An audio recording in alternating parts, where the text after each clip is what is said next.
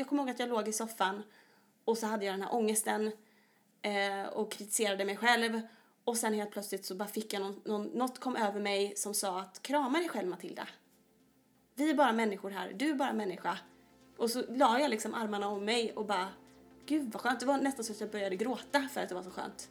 Och det tror, det för mig, den stunden är självmedkänsla. Men det där har jag också gjort. För att jag har klappat mig själv på armen. Ja. Stundtals när jag känner att så här, men Ida, Mm. du är bra som du är.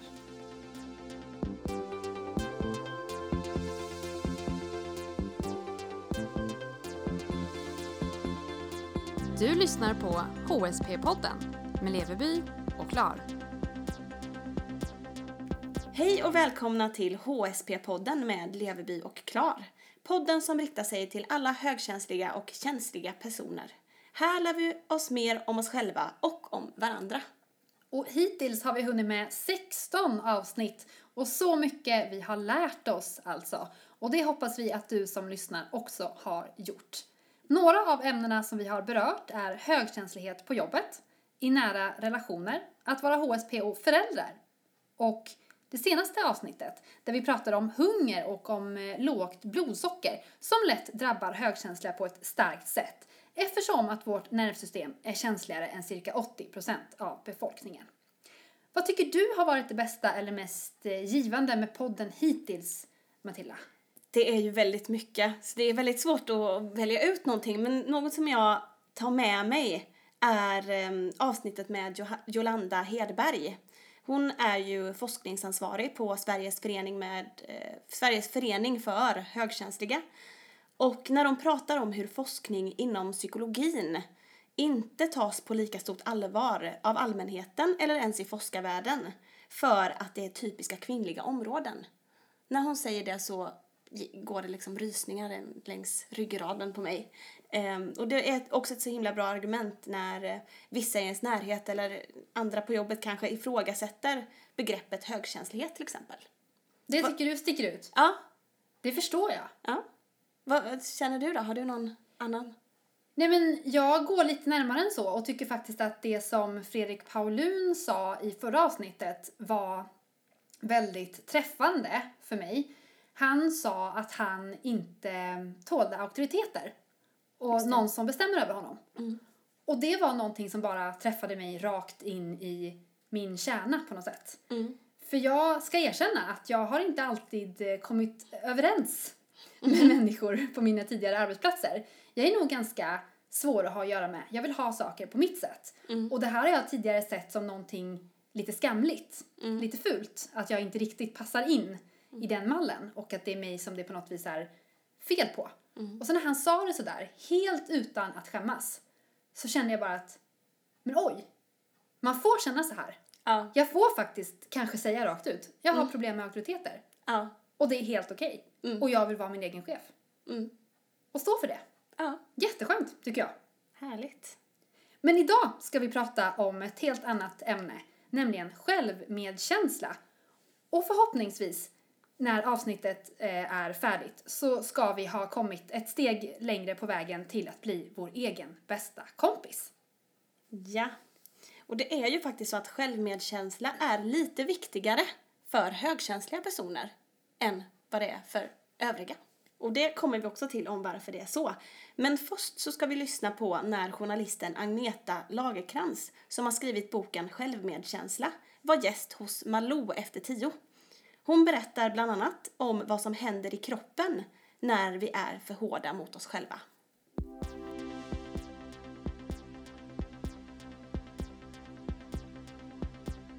Och det är viktigt att liksom förstå att det är när vi går in i de här bannande eller väldigt, eh, den här hårda rösten eller är med om någonting, som, alltså man gör ju bort sig ibland om man är med om motgångar och man är inblandad, att det är då man har väldigt lätt att bli skitsur på sig själv. Och självmedkänsla är ett sätt att stötta och vara förlåtande och tolerant och tycka att man är liksom bara en människa. Vanlig människa, alla gör misstag. Att kunna liksom aktivt stötta sig själv när man har såna jobbiga... För du har också gått in på vad som händer när det här blir lager på lager på lager av att inte vara förlåtande. Att, man, att man väldigt mycket blir... Det tar sig andra uttryck än man kanske själv förstår. Ja, så framförallt så har ju då forskare som har börjat nu sedan 2000-talet och verkligen försökt undersöka vad gör den här väldigt hårda och kritiska inställningen till oss själva och har ju upptäckt att det drar igång samma, stressområde, samma stressrespons som när vi har ett hot utifrån. Så att vi är som om vi hotar oss själva och därför går också stresspåslag på i kroppen. Och då kan man också vara så invand vid att ständigt vara och hacka på sig själv att en del har ett ständigt stresspåslag på grund av sig själv. Är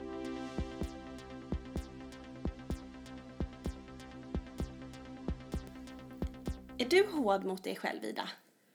Ja men alltså något så in i helsike. Det är så? Ja. Ja. Alltså jag är som en militär här hemma. Alltså det är alltid städat, det är alltid undanplockat och jag får typ inte gå och lägga mig förrän jag har diskat. Nej. Som att det står en person här inne och liksom pekar på mig och den personen är jag. Eller som när jag ska simma. Säg att jag har bestämt mig för att jag ska simma en timme. Och sen i bassängen så orkar jag bara 45 minuter. Då hatar jag typ mig själv om jag går upp i förtid. Så då kan jag ligga kvar och liksom ha typ träningsverk och nästan hålla på att drunkna. Men jag går inte upp. Och går jag upp så, så kan jag gå runt i så flera timmar efteråt och bara nej, nu tränade inte jag min timme. Nu tränar jag bara 45 minuter. Och jag stannar liksom sällan upp och tänker på vad jag har gjort som är bra. Alltså, och det är såklart massor. Jag är helt klart min egen värsta kritiker. Mm. Och snälla ord fastnar inte, men hårda ord gör det. Mm. Men, det ska sägas, att det har blivit bättre Ja. med åren. Och det Vad här är skönt att höra. Ja, så jag jobbar på det. Och det här är någonting som jag har gått i KBT-terapi för, bland annat. Och i, i omgångar så har jag gått i, i, i terapi och det funkar verkligen för det ger en liksom fler verktyg. Och jag vet en övning som jag fick göra som jag tyckte var lite jobbig, men jag förstår ju nu varför. Okej, vad var det för någonting? Jo men det var Vad att... för tips? eh, Att då sa han till mig, den här terapeuten, att eh, jag nog får höra fler positiva saker om mig själv än vad jag tror.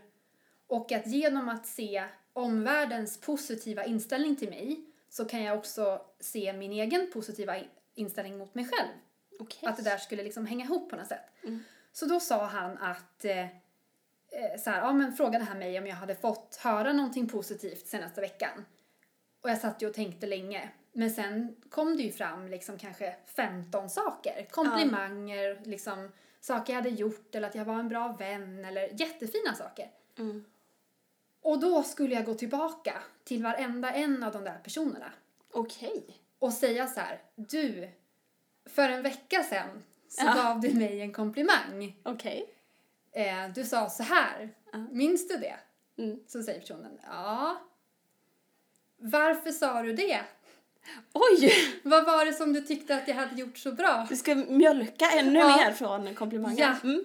Eh, och det här var ju lite obekvämt. Ja. Men eh, de här personerna tog det förvånansvärt bra. Ja. Jag gick tillbaka till en, vet jag, tidigare kollega och sa att så här, du sa att, eh, för jag sände radio på den tiden, och så sa jag, du sa att mitt program var så himla bra. Mm. Vad var det speciellt du gillade? Oj! Och han blev lite ställd. Ja. Men sen så kom det fram liksom, så kunde vi ha Ja. en diskussion eh, om, eh, eller egentligen jag skulle bara lyssna, så sa Mm. KBT Mm. Björn. Mm. Mm. Och då fick du nästan eh, fler komplimanger Mm. från en komplimang från början. Precis. Mm. Så att jag gick runt där säkert till tio personer och, och mjölkade dem då. Mm. Och eh, det här kunde sträcka sig, han sa att det var inte bara en vecka utan jag kunde gå tillbaka till någon som hade sagt något snällt för tre veckor sedan. Ja. Vilket ju är lite udda. Mm. Så här, för tre veckor sedan sa du att jag var fin i håret. Ja. Vad, speciell, vad var det speciellt som du eh, fastnade för? Åh, vad obekvämt. ja, men jättebra. Ja. Vad fick du ut av det? Kom, vad blev kom, din egen analys? Jo, men för att, för att jag själv liksom tittar på mig själv ibland med väldigt kritiska ögon. Mm. Och tänker då automatiskt att omvärlden är en hård och kall plats som den ibland kan vara i mig själv. Och då fick jag ju se att så är det inte riktigt. Nej. att andra har en väldigt vänlig inställning, ofta, mot mig.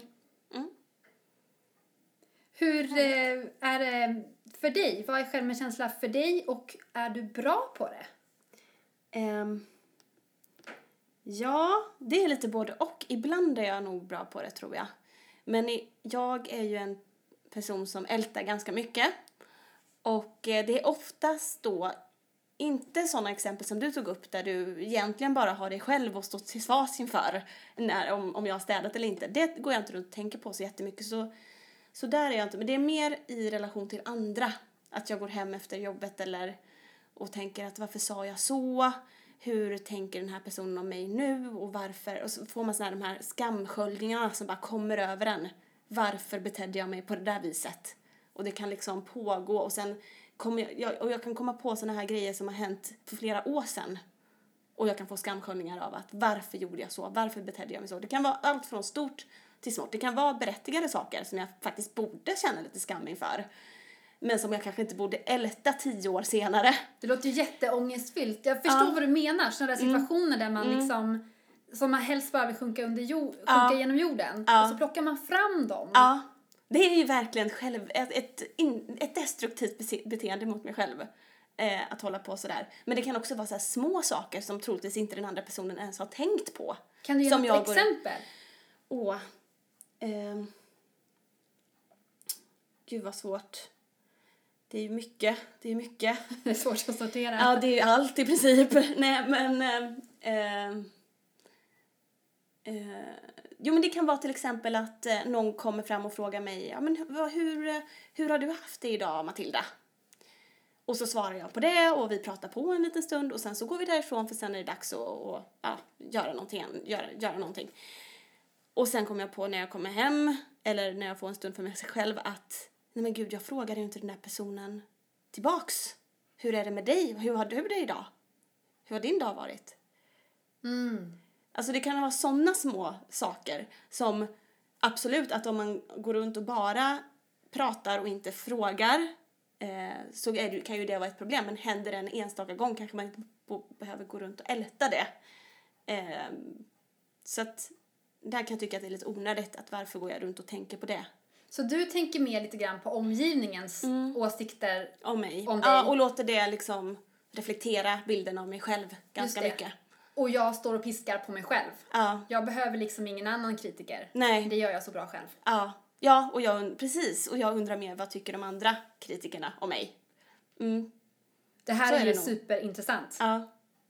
Eh, Och någonting vi behöver prata mer om. Ja, verkligen. Och jag tror att, du frågade också där om jag var bra på självmedkänsla. Och ett tillfälle som jag minns att jag var ganska bra på det var vid något tillfälle som, där jag hade de här tankarna. Någon typ av ångest hade jag. Men jag minns inte ens vad det handlade om, varför jag hade ångest. För att det blev helt irrelevant när jag kände självmedkänslan. Jag kommer ihåg att jag låg i soffan och så hade jag den här ångesten eh, och kritiserade mig själv. Och sen helt plötsligt så bara fick jag någon, någon, något kom över mig som sa att krama dig själv Matilda. Vi är bara människor här, du är bara människa. Och så la jag liksom armarna om mig och bara, gud vad skönt. Det var nästan så att jag började gråta för att det var så skönt. Och det tror, det för mig, den stunden är självmedkänsla. Men det där har jag också gjort. Mm. För att jag har klappat mig själv på armen. Ja. Stundtals när jag känner att så här, men Ida, Mm. du är bra som du är. Ja. Åh, vad du har tillfört mycket den här dagen. Liksom. Mm. Ta det lite lugnt nu. Och så har jag klappat. Mm. Och jag har också någon gång kollat mig i spegeln Mm. och tänkt att men jag är bra som jag är. Mm. Och då började jag också gråta. För det var som du sa där, att det kom någonting över en. ja. Något lugn i att det är okej. Det visar ju också på något sätt att man har för lite självmedkänsla. Om det blir en så otroligt stor grej. Tror du inte? Jo, Att man börjar gråta av insikten att du är bra som du är. och det är därför vi gör det här avsnittet. Och vi ska ge er eh, några verktyg som vi själva har börjat använda oss av. Men först kanske vi ska prata om vad självmedkänsla är enligt eh, forskningen.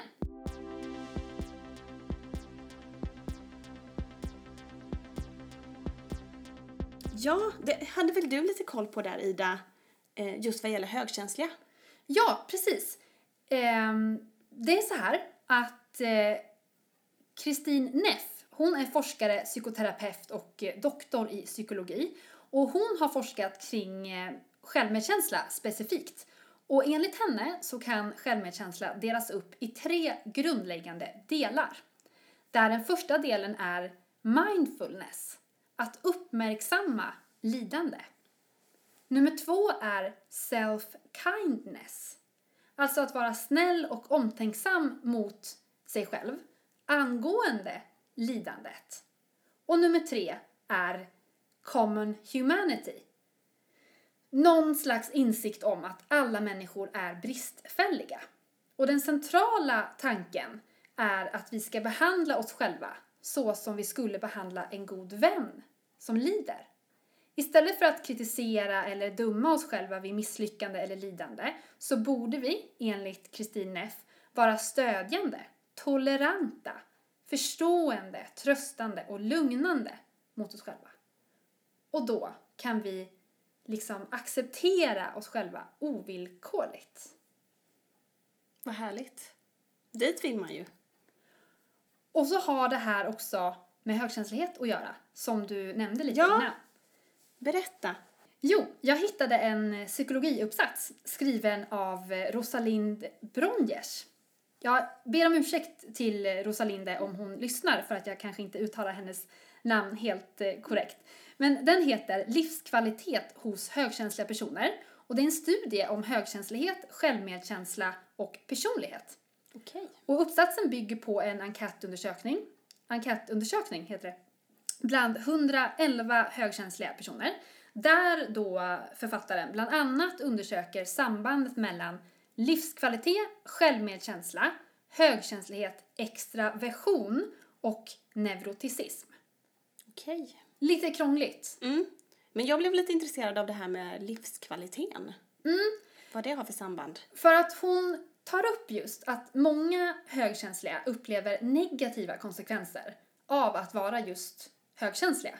Att personlighetsdraget gör att det dagliga livet påverkar livskvaliteten negativt. Okej, vad kan det vara för något i Och- personlighetsdraget som gör att man... Enligt eh, forskningen, som det då står om i den här uppsatsen, så upplever många högkänsliga till exempel att de inte kan prestera på arbetet som de skulle vilja. Kanske för att man inte liksom orkar och det är så mycket intryck och sådär. Och att eh, vi HSP ofta har svårt att förmedla våra behov för andra. Och att vi kan tycka att det är svårt ibland att interagera med andra människor. Både privat och på jobbet. Just för att eh, det finns den här avsaknaden av kunskap hos omvärlden när det gäller högkänslighet. Just det. Och det kan i sin tur orsaka liksom kommunikationsproblem, både på jobbet eller eh, hos läkare till exempel. Och det kan göra att vi inte känner oss hörda. Okej. Och de här problemen tillsammans med en lägre grad av självkänsla och ett in, inre grubbleri och, och att vi kanske inte alltid är så snälla mot oss själva kan göra att vi blir eh, sjukskrivna, Okej. utmattade helt Ja. enkelt. Och då behövs det ju vårdinsatser som kostar pengar. Mm.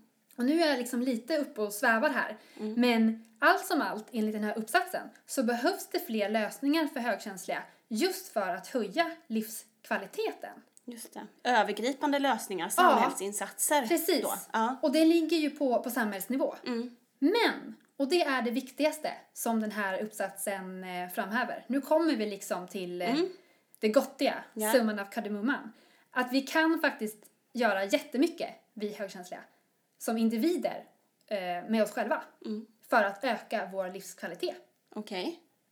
Och hör och häpna, det absolut viktigaste resultatet i hela studien, enligt författaren, är att utövandet av just självmedkänsla Ja. kan bidra till att aktivt öka graden av livskvalitet för högkänsliga personer.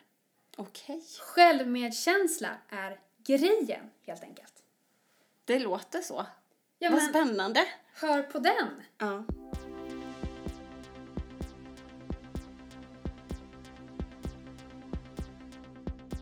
Jag tänkte att vi skulle prata lite om vad det är för skillnad på självkänsla och självmedkänsla. Det är ju bara ett litet ord i mitten där som diffar. Ehm, eh, och därför så tänkte jag att vi skulle prata lite om en artikel som eh, har publicerats i Socialmedicinsk tidskrift skriven av Katja Bergsten som är eh, psykolog och psykoterapeut. Och hon pratar lite om det här. Ja men det är jättebra. För att eh, jag eh, vet att jag försökte läsa den här eh, boken förut. Ja. Vad var den här Mia Törnblom va? Som skrev eh, Ja. Bättre självkänsla nu. Alltså gud ska veta att jag har ju köpt så många självhjälpsböcker genom mina dagar. Ja. Alltså hela bokhyllan var ju full. Brukar de funka då? Nej, Nej. inte ett dugg. Alltså jag Nej. läste dem där och kände mig bara ännu mer misslyckad. Mm. Ännu hårdare press på mig själv att allt skulle vara så jävla perfekt hela tiden. Mm. Och det är ju precis det här som eh, den här Katja Bergsten skriver om i sin artikel här. Att självkänsla handlar om förmågan att tro på sin kompetens och sitt värde, se sina styrkor, uppleva stolthet över framgångar och tillvarata på sina resurser. Men, och det är ju jättebra, det är klart att man ska göra det. Men det finns också en fälla här och det är att när det väl man hamnar i en motgång, när någonting inte blir som man har tänkt sig, då tappar i självkänsla. Och man kan hamna ner på botten igen. Och eh, hon skriver också att det är bra att det här med att man pratar mer om kä- självkänsla och sådär nu på senare år.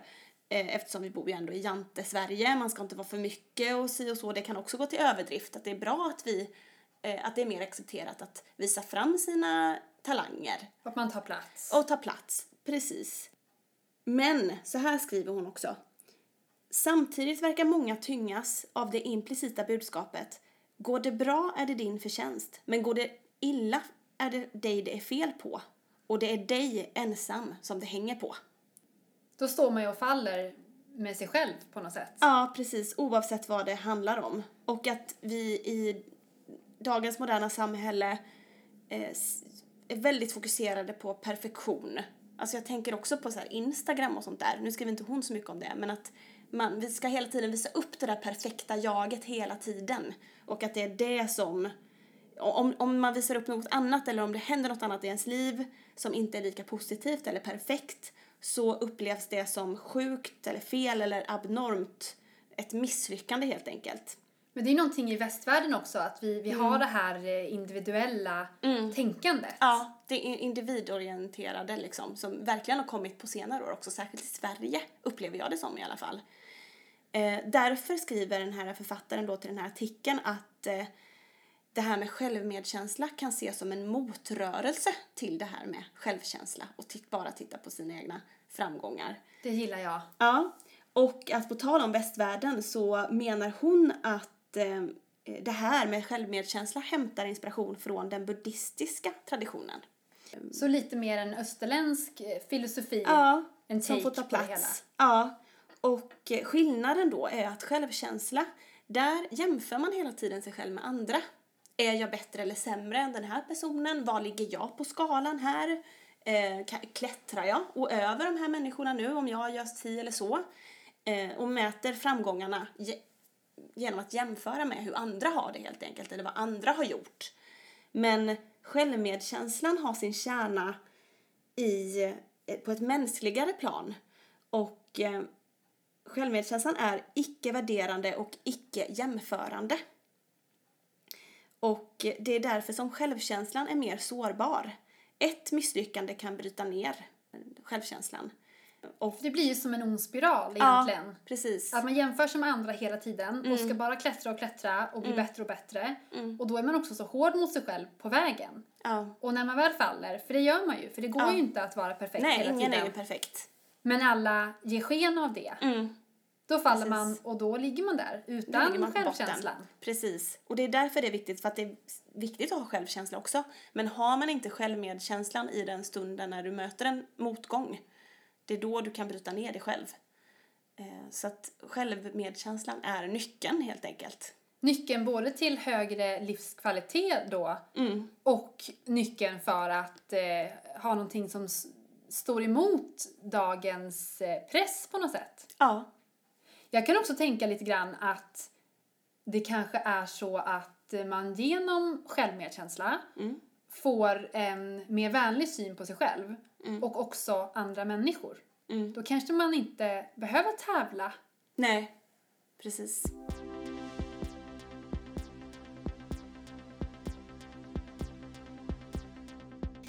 Ja, lyssnare, nu stängde vi precis av mikrofonen här för att jag kände att eh, jag var så dålig på att framföra det här budskapet som jag skulle berätta om.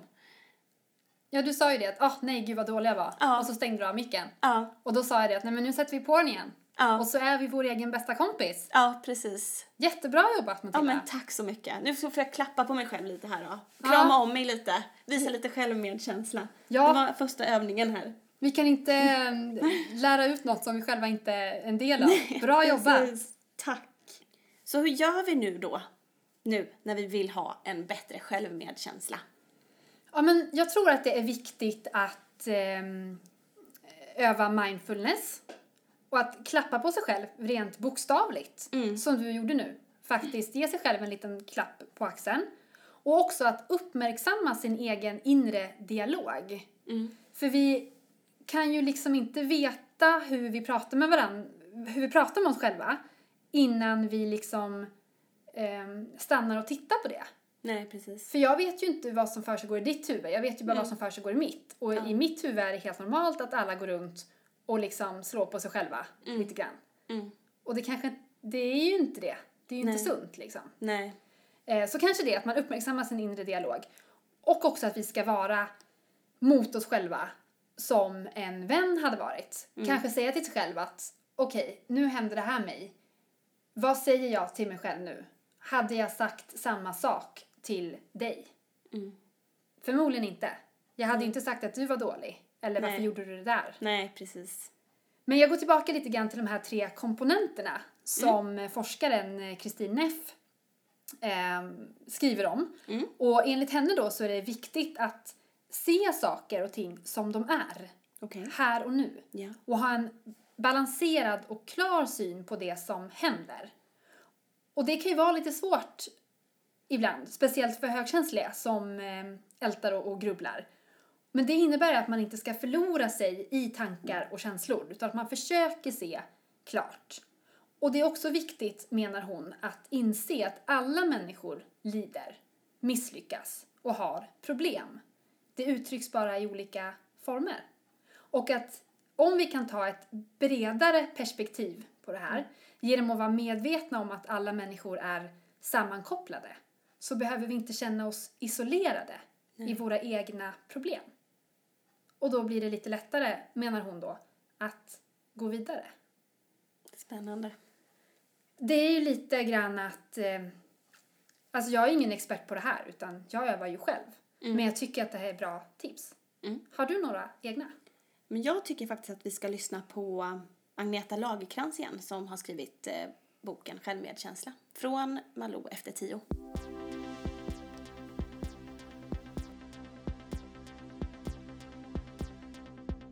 Då för det första försöker jag komma på mig själv när det börjar bli det där kritiserandet. Mm. Så Ehm, efter den här intervjun så kanske skulle jag varit, det skulle jag inte sagt. Ja, men då, då, kan jag, då kan jag se med lite mera snälla... Liksom, då kan jag tycka att det är väl intressant att se vad som gick... Vad kan jag lära mig av det här? Det tycker jag är jätteintressant. Men istället för att... När man gärna säger att gud vad hemskt och vad trodde de där ute? Det är ofta förenat med en sån negativ känsla som får den här känslan av att man nästan blir neddragen i ännu mer negativt. Och där kan man fastna. Så ett skäl är att vara vänlig Ja, kan man liksom hejda den här nedåtgående känslan genom att kanske vara vänlig i tankarna istället och förstående och liksom lite grann hålla om sig själv. Det var någon som faktiskt sa att när hon förstod vad självmedkänsla var så var det som att den här personen som stod framför och sa skärp dig! Med det här liksom hårda ansiktet nästan och rösten kom upp och ställde sig bredvid henne och la armen om. Och det är en otrolig sk- skillnad i hur du känner dig i kroppen med en sån i, alltså bara fast man fantiserar om det så får man ett helt annat lugn i kroppen.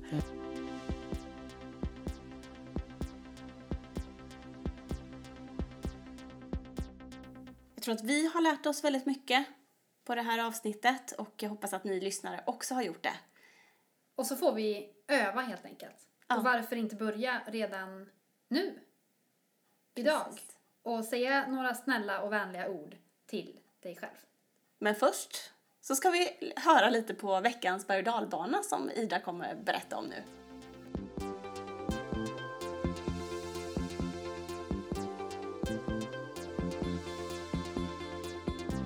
Veckans berg och dalbana. Ja, och eh, ni kanske har märkt, ni lyssnare, att det har blivit något eh, färre berg och dalbanor i eh, HSP-podden med Leverby och Klar. Och det av den enkla anledningen att det inte har varit några större känslostormar på senare tid faktiskt. Härligt. Ja, och eh, det beror ju på i mångt och mycket för att jag tycker att jag har fått lite bättre koll på mig själv nu när jag har förstått att jag är högkänslig. Sen är det ju jättemånga liksom upp och ner eh, rent dagligen sådär. Jag kan ju liksom eh, irritera mig eller stressa upp mig över en situation eller älta och sådär. Men inget sådär jättestort nu. Nej. Men med det sagt så var så säkra på att det kommer. För alltid när jag tänker så, då, då kommer Ja, du en får inte ny. jinxa det för mycket här nu. Nej. Men nu, vi börjar ju eh, lacka mot jul lite så smått här. Och det vet jag att eh, vår favoritpoet som är med oss varje vecka, Bertil Monegrim, är eh, lite extra förtjust i just eh, den högtiden va? Han skriver väldigt mycket och den här gången handlar det om advent.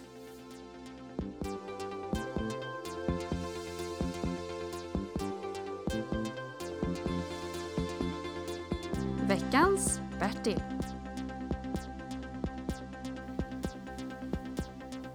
Nu väntar vi på advent. Det strålar så vackert i våra fönster. För stjärnor och ljus har vi tänt och varje år vi följer detta mönster. Ute har mörkret fallit på och en underbar värme vi känner. Stjärnorna på himlen finns där lika så och de kanske ser oss som vänner. Men i hemmets varma, lugna vrå vi samlas i kärlek med våra nära och kära.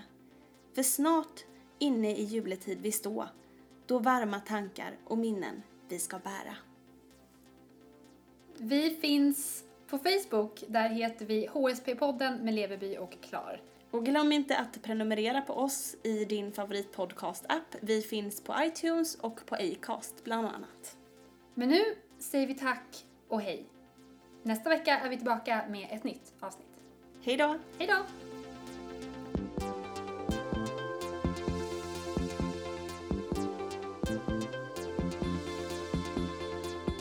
Du har lyssnat på HSP-podden med Leverby och Klar.